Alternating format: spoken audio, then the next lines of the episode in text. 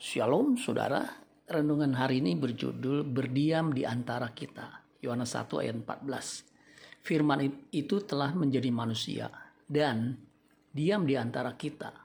Dan kita telah melihat kemuliaannya, yaitu kemuliaan yang diberikan kepadanya sebagai anak tunggal Bapa, penuh kasih karunia dan kebenaran. Kristus adalah firman Allah yang menjadi manusia, yang berdiam di antara manusia, dengan segala kemuliaannya.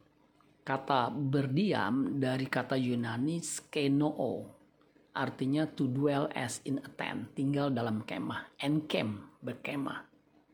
Have tabernacle, berkemah atau bertabernacle.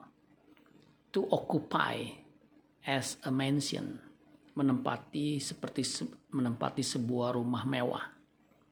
Metaphorically of the human body in which the soul dwells in a tent and which is taken down at death.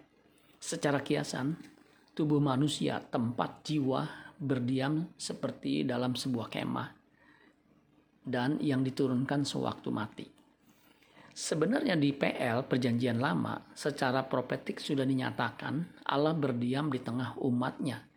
Keluaran 25 ayat 8 dan 9 dan mereka harus membuat tempat kudus bagiku, supaya aku akan diam di tengah-tengah mereka, menurut segala apa yang kutunjukkan kepadamu, sebagai contoh kemah suci, dan sebagai contoh segala perabotannya. Demikianlah harus kamu membuatnya.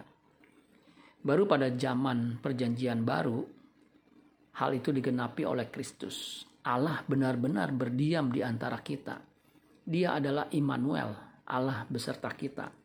Kita yang ada di dalam Dia selama di, di dunia akan bersama-sama dengan Dia di keabadian.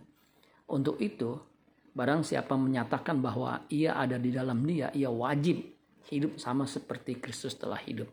1 Yohanes 2 ayat 6. Amin buat firman Tuhan. Tuhan Yesus memberkati. Sola Gracia.